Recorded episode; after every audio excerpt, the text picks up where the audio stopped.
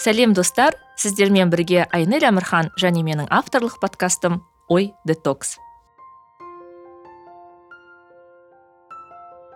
ой детокс ақпарат ағынында адасып кетпей ой сана тазалығын сақтауға көмектесетін подкаст.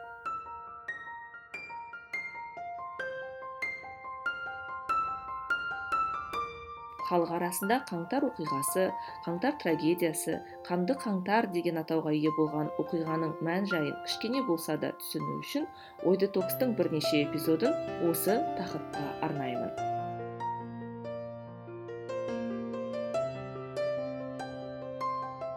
Бұл ой детокстың үшінші маусымының екінші эпизоды. Менде қонақта ә, психоаналитик жұлдыз төлеу.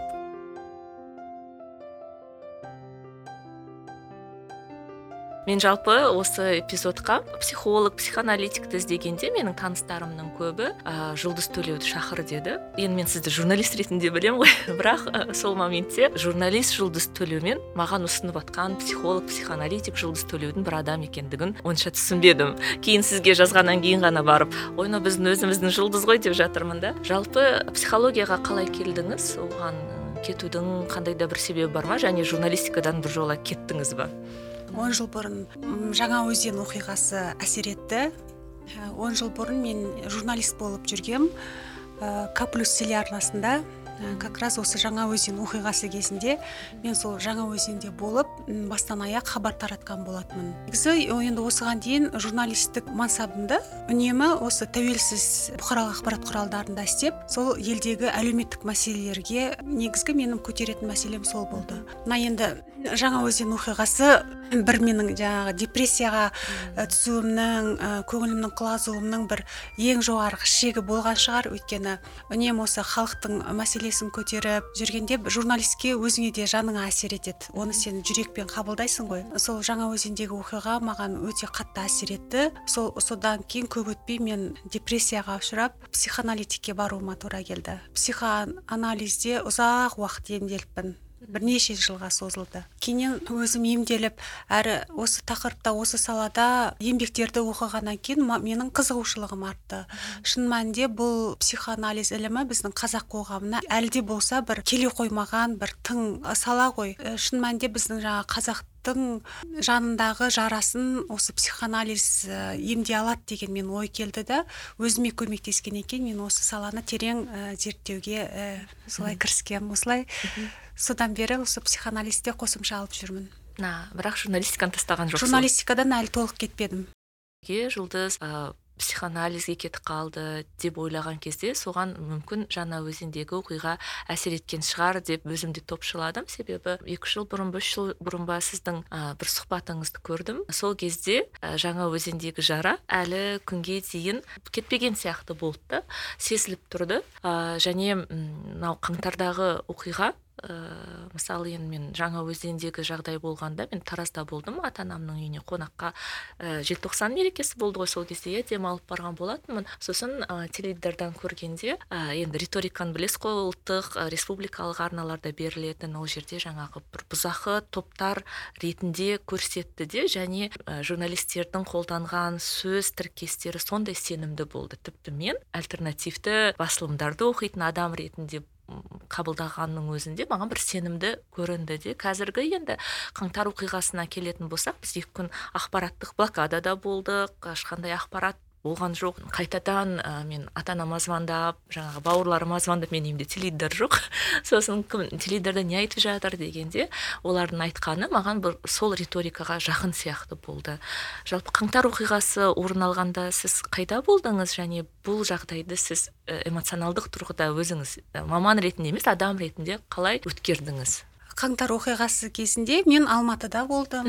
Үйде әдеттегідей жаңа жылдан кейін сол жұмысты бастап енді солай кірісе бастаған кезім клиенттерімді қабылдайын деп сол күн тәртібінде. Сол алматыда болдым. Шынымен шын мәнінде ақпараттық блокадада қалып қойдық қой. Жұмыс істеген журналистердің өздері ә, не болған анық қанығын түсінбей қалды. Бірақ кейін былай енді шет жағасын уже оқып оқып бастаған кезде президенттің жаңағы атуға бұйрық берген сол ақпаратты естіген кезде ә, мен шын айтайын жаңа өзендегі алған жан жарам көтеріліп кетті. Негізі травманы травма қозғайды дейді ғой. Осыдан кейін мен ә, сол шетелдегі психоаналитигіме сол баруыма тура келді. Содан кейін бірден енді әуежай ашылғаннан кейін жұмыс істегеннен кейін шетелге психоаналитигіме барып екі апта жұмыс істеп келдім өзіммен өзім өзіме. Енді жаңаөзендегі жағдайды көбіміз қазақстан бойынша өйтіп сезінбедік иә. Себебі ол жаңаөзенде болды. Біз теледидардан көрдік қандай да бір ақпарат алдық. Ыыы он жыл өтті кішкене бір ұмытыла бастағандай болды. Бірақ мынау қазақстан деңгейінде болған жағдай меніңше адамдардың көбіне қандай да бір көңіл күйіне әсер еткен сияқты да. Бірақ біз оны жанымызды түсінуге үйренбеген халық болғандықтан оның травма екендігін түсінбеген сияқтымыз. Мысалы жаңа өзендегі оқиғаны көпшілік ә, неге не алыс шалғайдағы ә, халық неге әлі жете түсінбеді? Себебі ә, ол оқиға болады да сол оқиғаның шындығы болады. Егер ол оқиғаның шындығы ашылмаса ол жан жара қалып қояды. Мына қоғамдық деңгейде қоғамдық деңгейде дегеніміз бұл психоанализ тілінде ұжымдық бейсана деп аталады. Мысалы ә, жаңа өзендегі болған оқиға негізі еңбекшілердің мұнайшылардың дауынан туындаған нәрсе ғой. Мұнайшылар ол көктем басталғалы бері жеті ай бойында өздерінің не адал еңбек дауын даулады. Сол еңбек дауынан шықты бірақ оған жіті көңіл бөлмеді билік. Ең соңында келген кезде де ә, сол желтоқсанның он алтысында олар ә, алаңда тұрған сәтте сол түрлі арандатушылық болып ақыр соңында сол жеті ай бойы алаңда тұрған мұнайшыларға оқ атылды. Ал кейіннен бұл мысалы бұзақылар жаңағы нашақорлар деген сияқты солай ә, айтылды хабар. Ә, кейіннен олардың көбі сотталды. Ә, бірақ ә, билік тарапынан бұл мұнайшылардың шынымен ақ еңбек дауы болды. Әділ шешілмеді. Олар жазықсыз оққа ұшты деген сияқты сондай бір мойындау айтылмады. Егер осындай мойындау айтылмаған жағдайда бұл ұжымдық бейсана деңгейінде яғни қоғамдық санада ол жан жара күйінде қалқып қалып қояды. Ал жан жара адамның бұл травмасы ғой. Неге мысалы травма алған адам депрессияға түседі? Шын мәнінде бұл ә, уақыт ол кезде жылжымай қалады. Сол себептен айтады ғой мысалы кез келген мысалы халықаралық деңгейде де мысалы геноцид болсын түрлі қоғамдық оқиғалар ол айтылып халықаралық деңгейде сол ел мемлекет деңгейінде айтылу керек. Айтылмаса ол тұрып қалады. Мысалы егер ә, су тұрып қалса ол сасиды ғой. Сол сияқты уақыт та тұрып қалады. А уақыт тұрып қалады дегеніміз ә, қоғамдағы ә, қоғам дамымай қалады. Адамның санасы ә, жетілмей қалады деген сөз. Қоғамдағы қоғамдық сана. Адамдардың басым бөлігі бұл жайлы ойланбайтын сияқты. Бір ұжымдық травма алдық біз. Ол кейін біздің ұрпаққа қалай да бір әсер етеді деп. Тезірек ұмытып кеткіміз келеді. Ол жайлы оқығымыз да келмейді шындықты білгіміз де келмейді. бір адамның бойында сондай бір қасиет бар сияқты. Неге? Маңызды жаңағы травманы травманы деп мойындау немесе болған оқиғаның шындығын айту билік тарапынан кешірім сұрау мойындау. Сол ғой енді бізді иә травма болып қалу себебі. Біз шындықты білмейміз. Ешкім бізден жазықсыз қаза болған адамдар үшін немесе орын алған жағдай үшін кешірім сұрамайды. Сол үшін біздің көкейімізде халықтың көкейінде бір өкпе қалады. А бірақ адамдарға жалпы қарайтын болсаң оларға керек емес сияқты бұл. Әрбір мемлекетте әрбір қоғамда адамдардың деңгейі де әртүрлі болады ғой. Ә, мысалы қоғамда болып жатқан ә, оқиғалар елдегі өзгерістер мысалы ә, қабылданып жатқан заңдар кейбір адамдарға әрине әсер етпейді. Оларға ең бірінші ә, қарны тоқ болса ә, киімі көк болса сол сол болды. Ал екінші деңгейдегі адамдар бар олар ә, бір қоғамдағы ашықтықты қалайды тазалық қалайды. биліктің ә, шын мәнінде ашық жұмыс істеп жатқанын қалайды. Қоғамға өзінің ықпалын тигізгісі келеді. Бұны енді біз енді психоанализ тілімен айтатын болсақ ә, адамның өзі эволюциясы миллиондаған жылдарға созылды ғой. Бірінші деңгейдегі байырғы замандағы адамдар дейікші оларда сана болмады. Байырғы адамдардың жануарлардан айырмашылығы болған жоқ қой еш. Жануар тектес әлеуметтік жануар дейді ғой адамдарды ә, айырмашылығы болған жоқ. Жануар сияқты ә, ең бірінші қарынды тойдырды. Сосын барып өзінің жаңағы қауіпсіздігін ойлады. Сол сана көбінде сол деңгейде қалып қояды ғой. Ол, ол деңгейде егер қалып қойса әрине ол ерде елде мысалы автократия орнап жатыр ма демократия орнап жатыр ма оларға бәрібір. А ол ондайда ол ә, қоғам дамымайды артқа кетеді. Сол себептен ең бірінші кез келген қоғамда сол азаматтардың санасының ашықтығы және ашық қоғам дейді ғой сол маңызды. Біз енді оған қашан келе аламыз? Мысалы бізде қазақстанның тарихына қарайтын болсақ соңғы жүз жыл дейік иә одан арыға бармай шындығы ашылмаған ақтаңдақтар өте көп.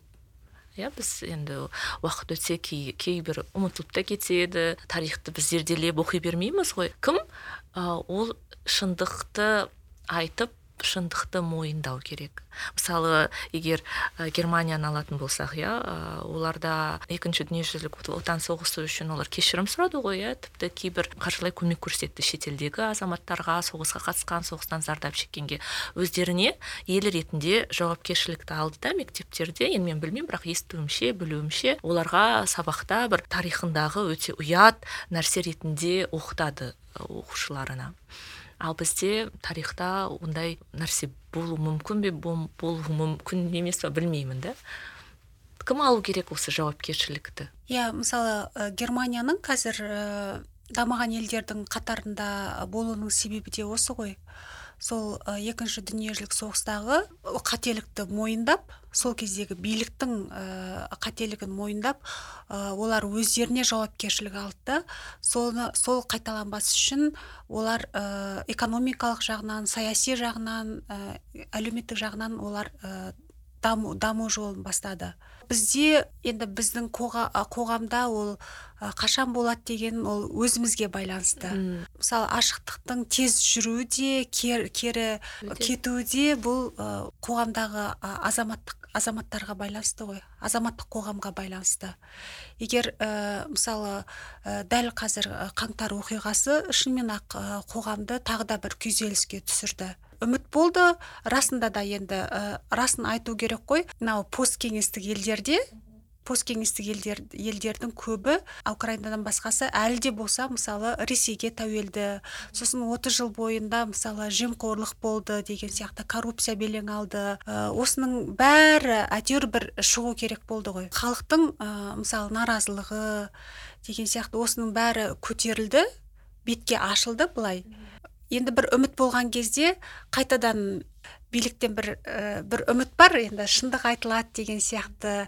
Егер шын мәнінде мысалы халықтың көкейіндегідей бір өзгерістер болып жатса елде ашық қоғам болып жатса онда бізде де мысалы ілгері жүруіміз бек мүмкін. Бізде енді билік тарапынан айтылатын ә, басты уәждердің бірі халық дайын емес. Деп айтады иә. Мысалы халық өз әкімін ә, тағайындауға әлі дайын емес. Көп нәрсені түсінбейді дейді. Ә, көп нәрсені білмейді. Ә, деген сияқты бір көзқарас бар да. Сіздің бір сұхбаттарыңызда қазір оқып жіберейін былай деп айтыпсыз. Тоқсаныншы жылдардың басында болған тоқырау кезеңінің салдары қазір білініп жатыр. Сол кезде балалық шағы өткен балалардың жасы қазір отыздың үстінде көбі депрессивті. Ажырасып жатқандар да осы буынның өкілдері.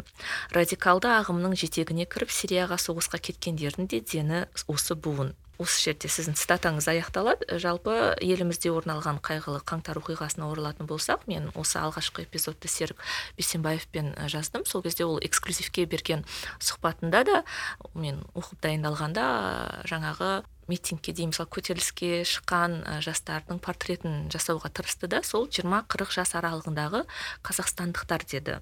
Жалпы былай қарасаң тепсе темір үзетін ә, максимализмге толы басқа нәрсемен басың ә, ойланып жүретін кез да жиырма деген иә қырық деген сен ә, бір үйдің отбасының отағасысың бала шағаң бар. Енді былай орта статистикамен қарайтын болсаң. Осының бәріне алып келген жағдай не ол? Біздің экономикалық жағдайымыздың әлі де төмендігі ма? Біздің азамат қоғам ә, халқымыздың азаматтардың азамат ретінде әлі қалыптасып үлгермегені ма? Немесе оның өзге де бір психологиялық себептері бар ма?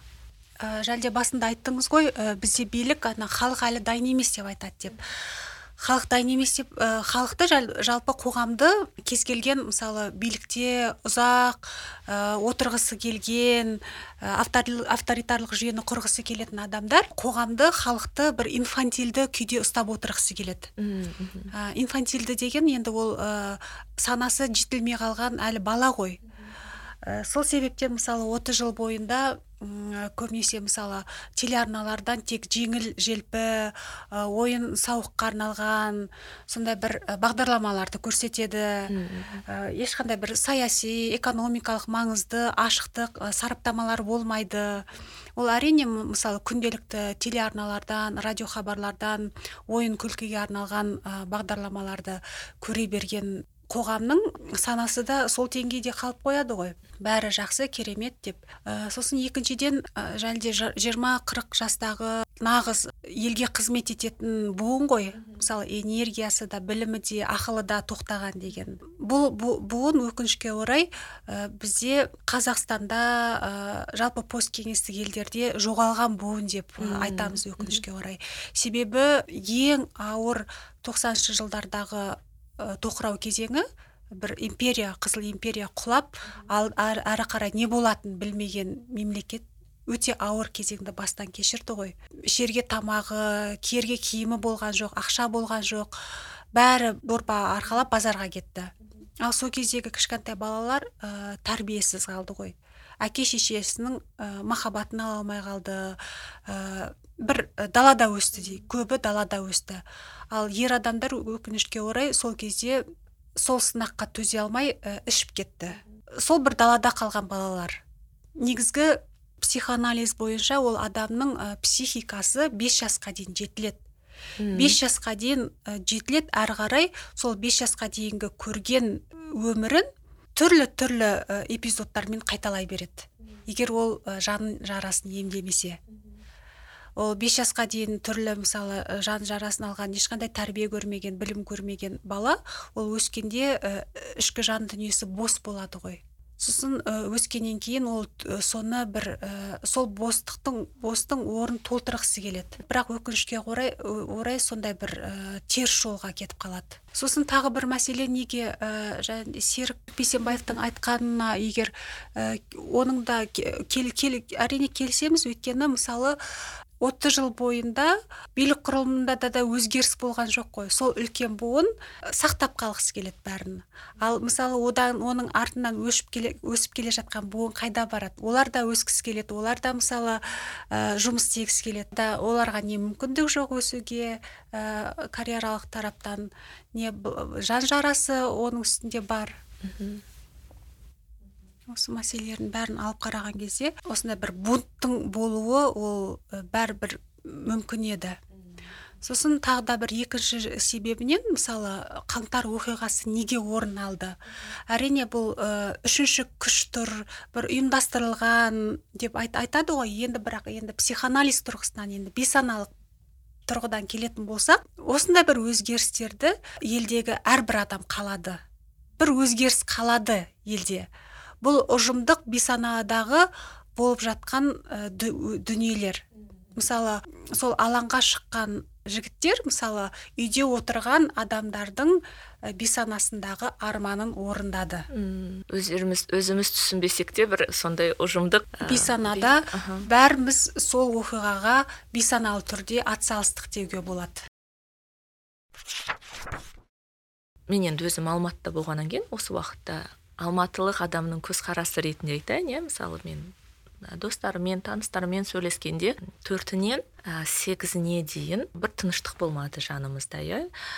Екі күн ақпараттық блокада болды не болып жатқанын түсінбедік. Әйтеуір әр әр жерден сыбыс арқылы естисің әкімшілікті жағып жатыр екен ана жақта барып жатыр екен. Әйтеуір үйде отырыңыздар деген нәрсе ғана бар соны үйде отыруға тырыстық. Бірақ өз басым екі күн ұйықтаған жоқпын. Ә, себебі өзімді бір қауіпсіз сезінбедім. Ә, үйіме біреу баса көктеп кірсе қалай қорғанамын деген ойда болды. Мысалы менде ұйықтай да жоқ екен ғой деп ойладым. Өзге достарыма хабарлассам олар да осындай бір күй кешкен болды. Ол кісілер жаңағы көршілерімен ұйымдасып үйін қорғауға кірісіпті. Ата аналар да өздерінің балдарын айтпауға тырысыпты бірақ сонда да қорқыныш сезімі жаңағы балдарына да беріліп жатқандығын айтты әрқайсымыз әртүрлі деңгейде осындай эмоционалдық тұрғыда осы кезеңді өткердік. Бұл ә, мәселе біздің бойымызда қалып қояды ма? Біз маманға баруымыз керек па? Мысалы ә, немесе өйстіп достарымыз кездескенде айтып ә, ішіміздегі шығарғаны жеткілікті ма бұл бірінші сұрағым иә? Екіншіден ә, бір қоғамдық терапия керек па бізге? Екеуі де керек. Болған оқиғаны қай деңгейде қабылдады қай деңгейде жарақат алды? Соған байланысты ғой. Әрине біз үйде үйде отырдық бәріміз де солай үрей болды қауіп болды. Өйткені қалада атыс қырғын жүріп жатты ғой қантөгіс жүріп жатыр. Ол мысалы біз ақпараттық блокадада екі көзіміз көрмей үйде отырғанмен біздің бейсанамыз ол бәрін көріп бәрін біліп отыр. Бейсананың құдіреті деген сол ғой ол ұжымдық бейсана болып жатқан оқиғалардың бәрін қабылдап ол біздің жаңағы инстинкт инстинкттік деңгейде адамдардың жаңағы күресуге өзінің мүлкін өзінің ә, не қорғануға дайын отырған себебі де сол ғой ол инстинкт ең бірінші адамның оянады. Ә, жеке терапия ә, егер адамның жаңағы қаржылық жағдайы болып жатса ол әрине жақсы барған дұрыс. Ал қоғамдық терапия дегеніміз не? Қоғамдық терапия дегеніміз ол ең бірінші осы оқиғаның шындығының ашылуы ғой. Шындық ашылып бәрі ақиқат айтылып мысалы телеарналарда кез келген кезде ашық түрде пікір талас өрбісе осы оқиғаға байланысты жан жақты тараптар сөйлеп сол кезде қоғамдық терапия жүреді иә.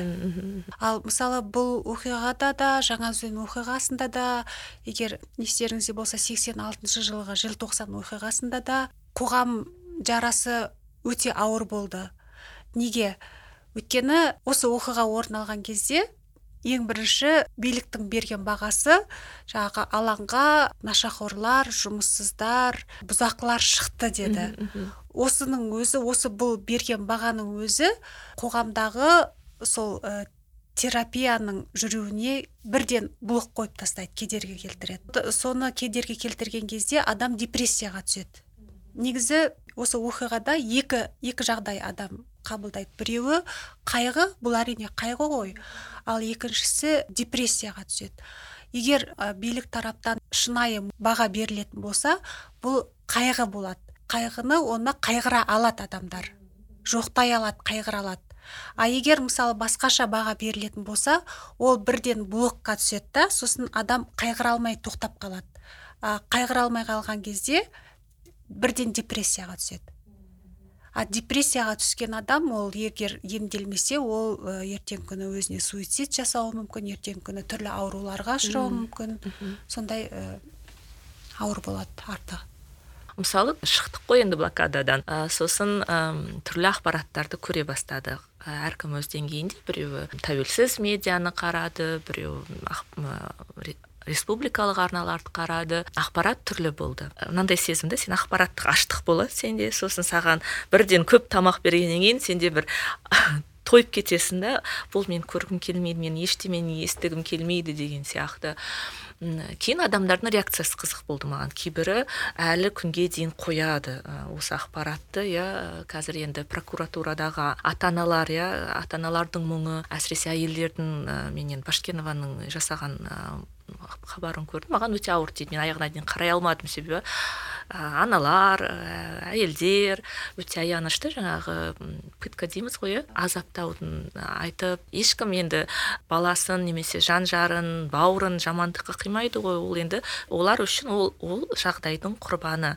Ә, және үлкен мінберлерден ұлдарын бандит бұзақы немесе террорист деп атау оларға да ауыр тиіп тұр да екіншіден жаңағы адамды енді азаптаудың түрлі суреттері таралып жатыр. Және адамдардың бір бөлігі соны әлі күнге дейін бөліседі. Екінші бір бөлігі өзінің қалыпты өмірін көрсетіп ә, болды тірі адам тіршілігін жасайды. Өзіміздің қалыпты өмірімізге көшейік дейді. Бұл өзінің өміріне қалыпты өміріне көшкен адамның психикасының мықтылығы ма немесе біз қорғаныш реакциясы ма?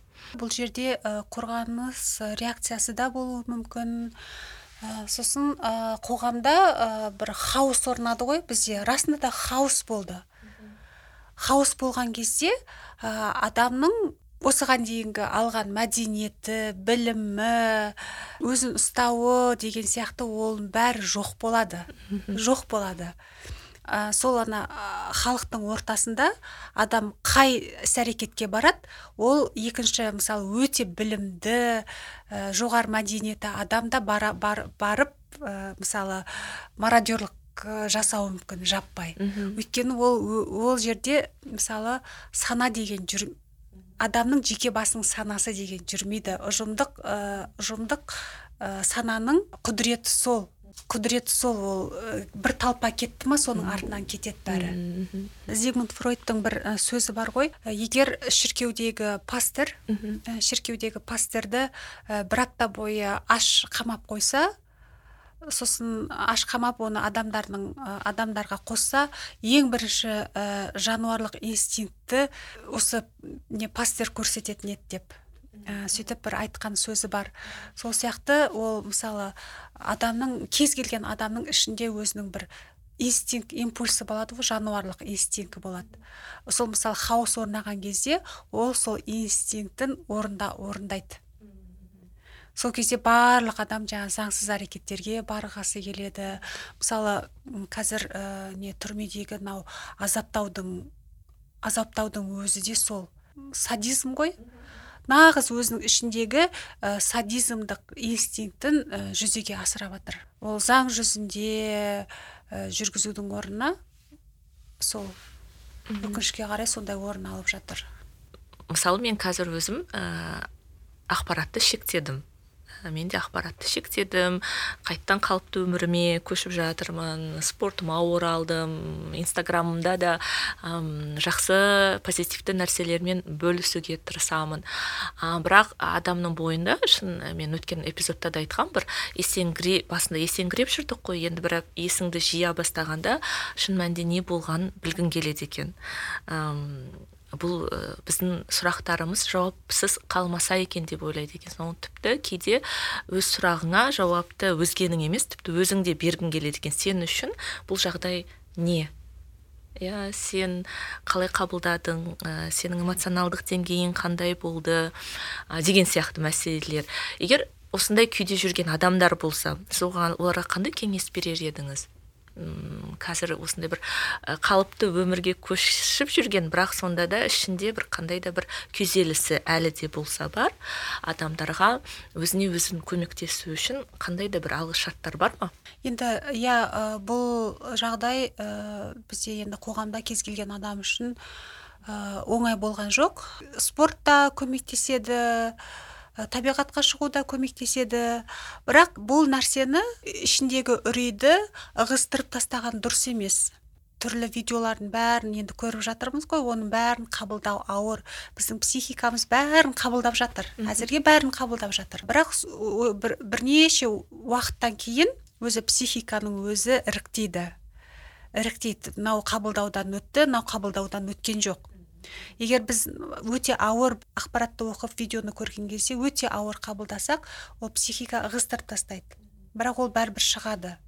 Егер мысалы ә, психоаналитикке психологқа баруға мүмкіндік болмаған жағдайда адам өзі қалай жұмыс істей алады деген кезде ең бірінші сол көңіл күйіне сәйкес келетін ә, музыка тыңдасын сосын ә, дәл осы оқиғаларға ұқсас ә, елдерде болған жағдайдан кейін түсірілген фильмдер өте көп қой. Сол фильмдерді көру керек. Сосын тағы да бір мына психоанализде мынандай бір теория бар да. Егер ә, бір оқиға болады егер ол шындық айтылмаса сол оқиғаның шындығы айтылмаса адам адам дейді өзі бір шындық қастырып алады. Ол оқиғаны жабады да адам өзінше бір өзінің шындығын ұйқастырып алады. Сосын сол шындық бойынша ары қарай өмір сүреді дейді. Өкінішке орай бұл енді солай бір ары қарай қалыпты өмір сүру үшін солай кетеді.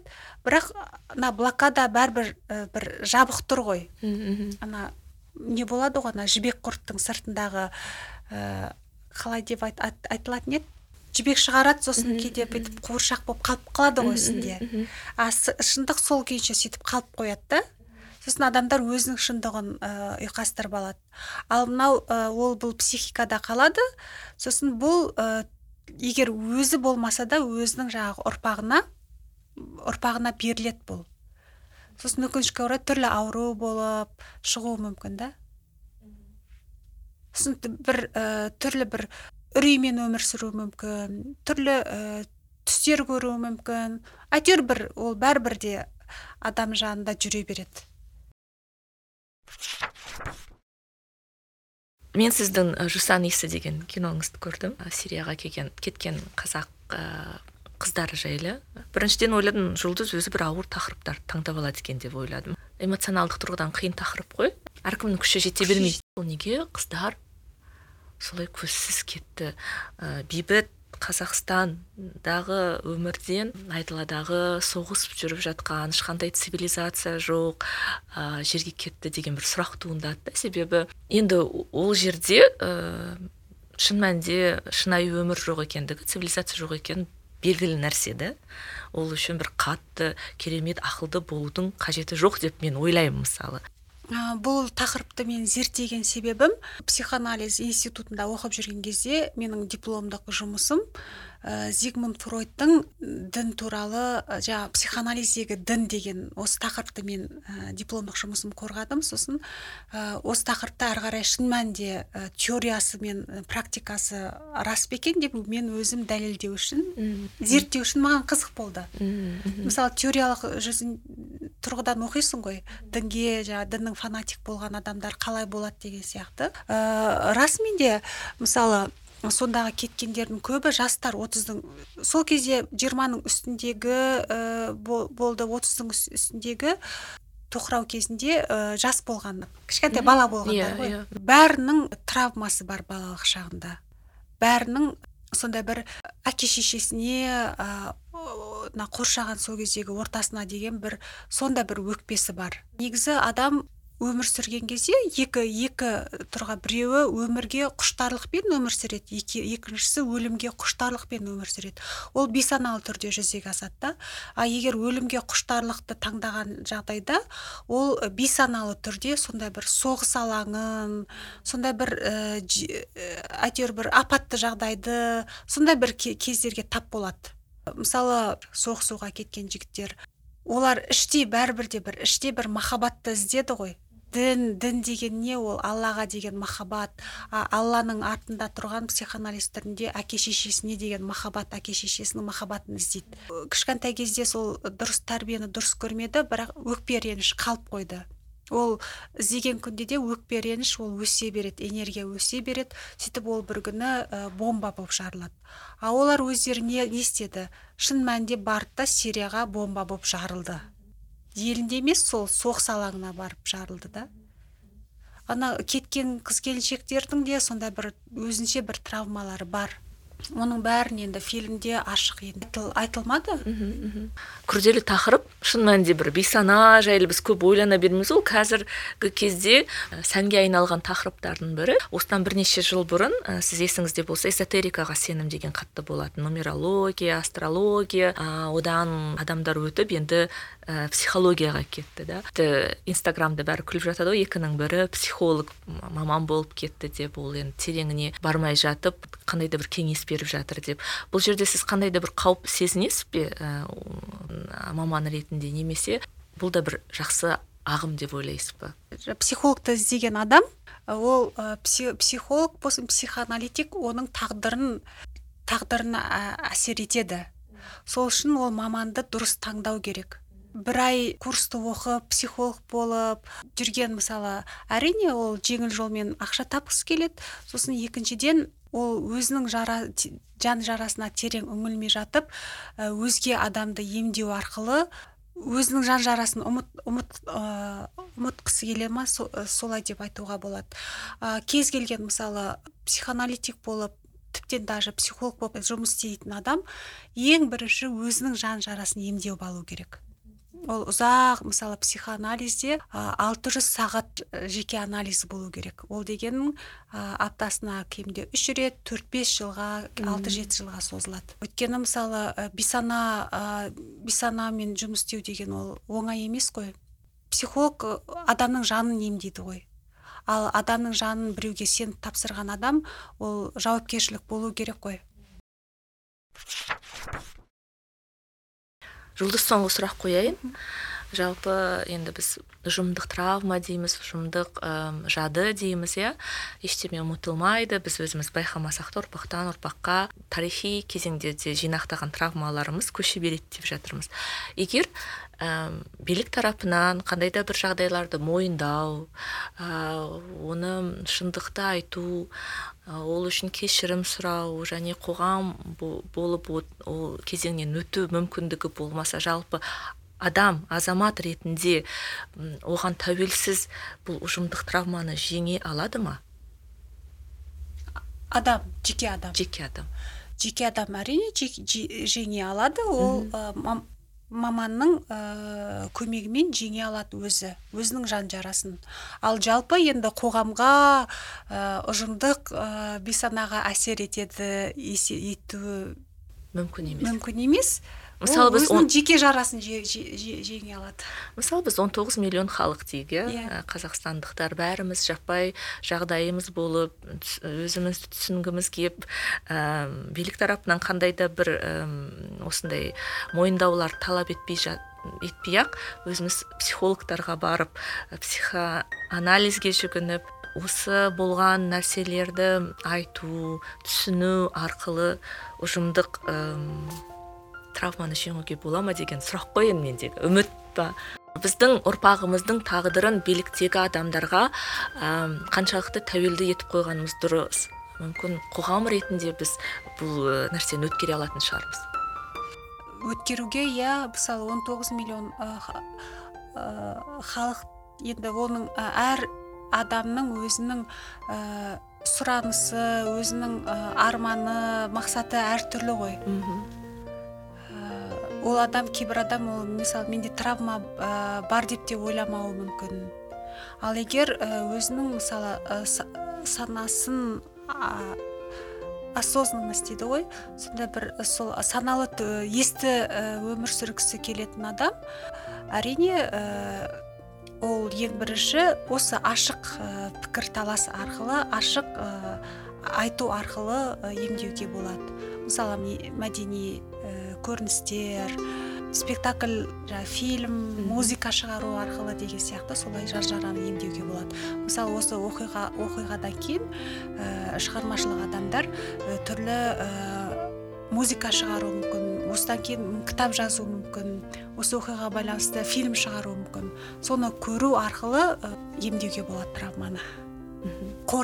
Баға беру. Адам өзі соны көреді да соның ә, расы қалай ә, өтірігі қалай өзі өзі арқылы баға жасай алады ғой баға береді. Сондай бір үміт бар. Үміт бар әрине. Осымен достар ой детокстың кезекті эпизоды аяқталды. Аяғына дейін тыңдағандарыңызға рахмет. Міндетті түрде тыңдаған қосымшаларыңызда менің подкастымды бағалап кетулеріңізді сұраймын. Себебі бұл менің тыңдармандарымның қатарын көбейтуге өз үлесін қосады. Келесі эпизодтарда аман есен естіскенше.